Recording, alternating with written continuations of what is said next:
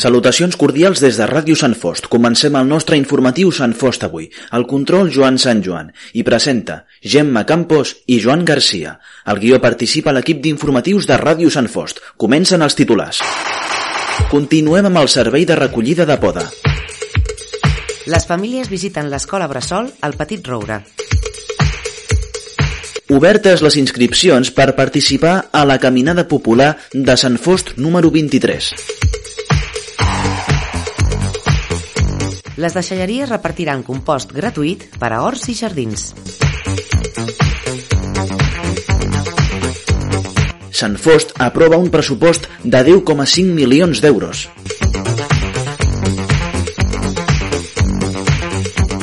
Barri Can Calet, Unió Futbol Sala Mollet, un derbi per la salvació. Continuem amb el servei de recollida de poda. D'ençà que va començar el nou servei de recollida de poda porta a porta, l'Ajuntament de Sant Fost ja ha fet entrega gratuïta de 157 saques a totes aquelles persones que ho han sol·licitat. Recordem que la població continua disposant d'aquest servei de gestió de residus verds, que es va començar a fer setmanal a partir del 20 d'abril, on tots els dimecres es realitzarà la recollida sempre que es faci amb trucada prèvia. Vine a recollir la teva saca i sol·licita el nostre servei. Només cal trucar a l'OH de l'Ajuntament 93 579 69 80. Horari, de dilluns a divendres de 8 del matí a 2.30 de la tarda i dimarts també de 3.30 de la tarda a 6.30 de la tarda. Les famílies visiten l'escola Bressol al Petit Roure. El passat dijous 28 d'abril, la regidora d'Ensenyament va participar a la jornada de portes obertes de l'Escola Bressol Municipal al Petit Roure. Va comptar amb l'assistència de força famílies. Després de l'explicació sobre el funcionament de l'escola, van poder visitar les instal·lacions i conèixer demà de les mestres el dia a dia a les aules.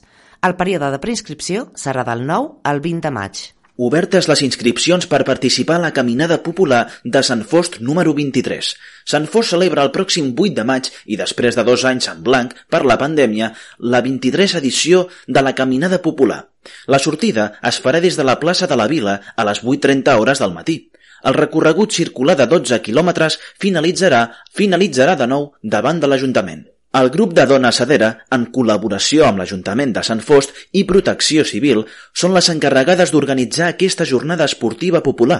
Durant la seva celebració també es preveu fer recapte d'aliments, especialment de llet, per Càritas. Les inscripcions a la caminada es van obrir el passat dilluns 25 d'abril. Els interessats en participar poden apuntar-se a l'Ateneu en horari de dilluns a divendres de 4 de la tarda a 8 del vespre. També podran fer-ho dijous i dissabte de 10 del matí a 1 de la tarda. Els menors de 12 anys que vulguin assistir hauran d'anar acompanyats d'un adult, mentre que els d'edats compreses entre els 12 i els 18 anys hauran de comptar amb una autorització paterna o materna. Així mateix, l'organització ha limitat a un màxim de 400 persones les inscripcions a la caminada. Amb l'adquisició dels dorsals, el preu de cada dorsal és de 5 euros i pels infants de 0 a 2 anys és gratuït, als participants se'ls donarà avituallament, obsequis, esmorzar i tiquets per participar en una rifa. Les deixalleries repartiran compost gratuït per a horts i jardins. El Consorci per a la Gestió dels Residus del Vallès Oriental ofereix a partir d'avui i fins aquest dissabte la possibilitat d'aconseguir fins a 50 litres de compost per persona, equivalent a dues galledes, a totes les deixalleries de la comarca. La iniciativa forma part de les accions incloses en la Setmana Internacional del Compost que se celebra de l'1 al 7 de maig amb el lema El compost per a la regeneració del sol. L'aplicació de compost incrementa la salut del sol, donant lloc a cultius més sants i rics en nutrients. Gràcies a la matèria orgànica que porta, es beneficia la regeneració del sol i s'incrementa el segrest de carboni. El cicle de la matèria orgànica i l'aplicació al sol del compost afavoreixen l'economia circular i la lluita contra el canvi climàtic. Amb aquesta mesura i sota la marca Compost Bo, es vol fomentar l'ús del compost provinent de la recollida selectiva de la fracció orgànica i recompensar a la ciutadania el seu esforç per separar la matèria orgànica a casa de forma correcta, facilitant així que se'n puguin obtenir compost i biogàs. Les característiques físiques, químiques i biològiques del compost procedent de la planta de digestió anaeròbica i de compostatge de Granollers, on es tracta la matèria orgànica que es recull de forma separada al Vallès Oriental, al Maresme i alguns municipis del Moianès.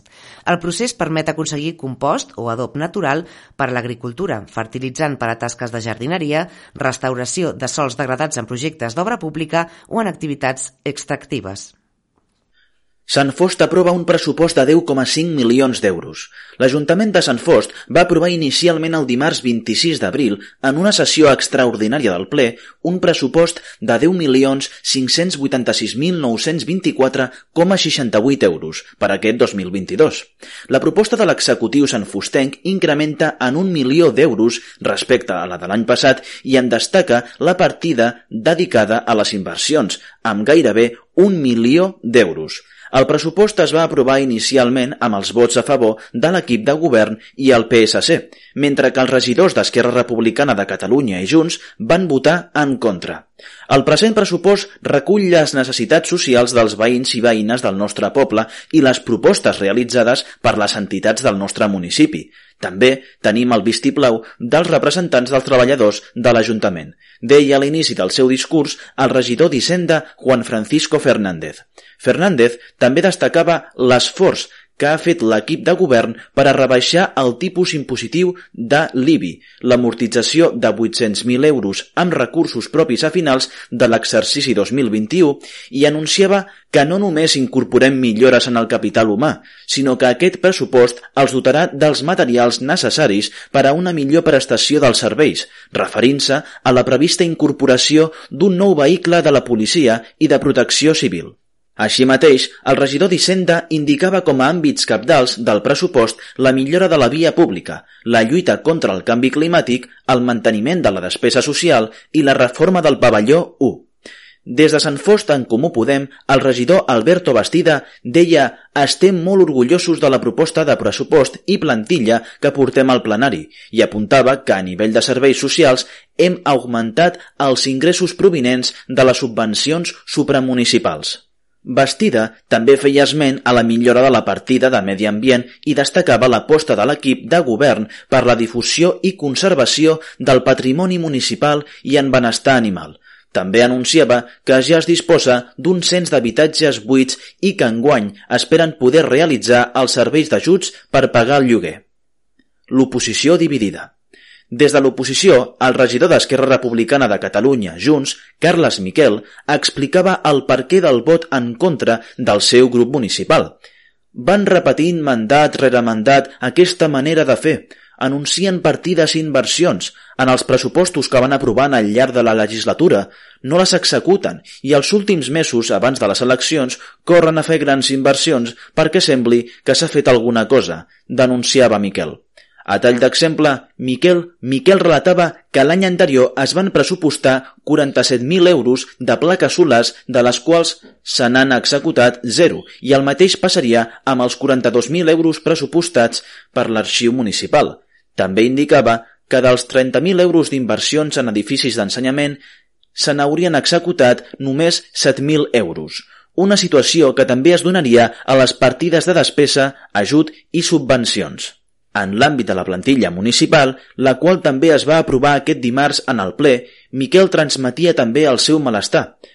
Ens van dir que creaven 12 places, 9 de les 12 segueixen sense ocupar, una s'ha cobert internament i les altres dues per decret i urgència sense cap procés selectiu. D'aquestes 12, 3 ara les amortitzen, apuntava.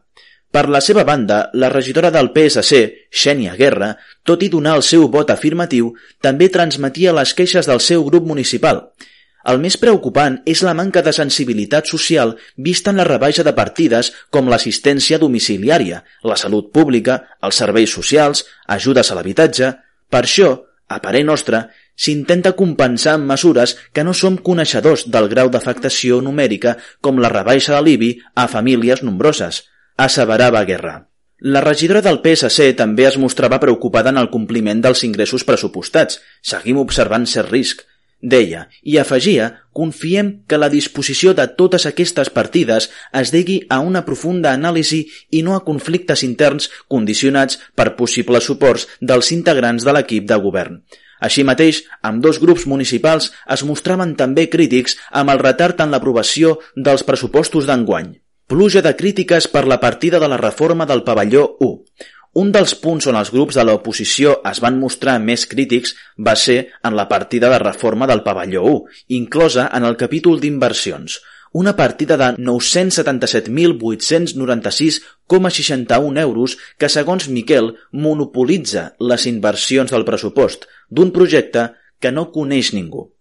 El regidor d'Esquerra Republicana de Catalunya, Junts, es va mostrar escèptic amb el fet que l'obra pugui estar acabada el 30 de juny del 2023 i recordava a l'executiu municipal ens preocupa la possibilitat de perdre gairebé 800.000 euros de subvenció per no haver començat les obres quan tocava, l'estiu del 2021, i va demanar vincular la despesa a la garantia de l'ingrés. Miquel també apuntava l'avantprojecte se n'anava als 1,6 milions d'euros amb l'enderroc i el cost del projecte executiu i ara càlculs molt per sota d'aquests imports, una diferència de cost que deia no entendre. Per la seva banda, la regidora del PSC feia aquesta reflexió. En inversions estem supeditats al projecte del pavelló 1. Això fa complicat altres inversions, llevat que es facin amb el romanent de la tresoreria. Després d'aquestes crítiques, era l'alcaldessa Montserrat Sant Martí qui sortia al pas de les acusacions i afirmava que l'obra s'executarà i que no es perdrà ni un euro de les subvencions. Així mateix, assegurava que hi ha un romanent de tresoreria que els permetrà fer altres inversions. En aquest sentit, des d'Esquerra Republicana de Catalunya Junts lamenten la manca de transparència de l'Ajuntament amb el seu grup municipal i indiquen que el mateix dia que l'alcaldessa va afirmar al plenari que s'havia demanat un fons europeu per al pavelló 1, els havien enviat dues hores abans del ple i signada per l'alcaldessa una instància comunicant-los que estaven en fase de tramitació i que quan s'efectuessin les corresponents sol·licituds els informarien al respecte. Barri Can Calet, Unió Futbol Sala Mollet. Un derbi per la salvació. El barri de Can Calet i la Unió Futbol Sala Mollet es tornaran a enfrontar en un derbi clau per als dos equips. Tant sanfustencs com molletans arriben amb la necessitat d'aconseguir els 3 punts per allunyar-se dels jocs de descens. El partit, que s'havia de disputar la setmana anterior a la passada, s'ha vist ajornat i es jugarà demà a les 21.45. Els dos equips arriben al derbi amb ratxes no massa positives. Els de Mollet acumulant diverses derrotes en els últims partits, igual que els del barri de Can Calet, que només han sumat una victòria en els últims quatre partits. Els antecedents afavoreixen els de Sant Fost, que es van imposar la primera volta per 2 a 7. Ara buscaran repetir la gesta amb el suport del seu públic. Aitor Millán, capità del barri Can Calet, afirma que afronten el partit amb moltes ganes. Millán destaca la importància del partit. La situació ens obliga a guanyar. Els tres punts ens podrien donar la salvació virtual. Tot i el canvi de data, el capità Sant Fustenc espera que les dues aficions responguin i que serà un partit disputat i igualat. En la mateixa línia es mostra Ernesto Ballesteros, entrenador de la UFS Mollet. Serà un partit molt complicat. El tècnic afirma que és un partit especial perquè és un derbi i duel directe. Per això, Ballesteros afirma que aniran amb tota la il·lusió. El partit es disputarà el pròxim dimarts a les 21.45 al pavelló municipal 2 de Sant Fost. El partit correspon a la 21a jornada, però després del derbi només quedaran 4 jornades. I fins aquí l'informatiu d'aquesta setmana. Moltes gràcies i fins la propera setmana amb el proper butlletí de notícies. L'informatiu s'ha realitzat amb la col·laboració del diari Som i l'Ajuntament de Sant Fost de Campsentelles.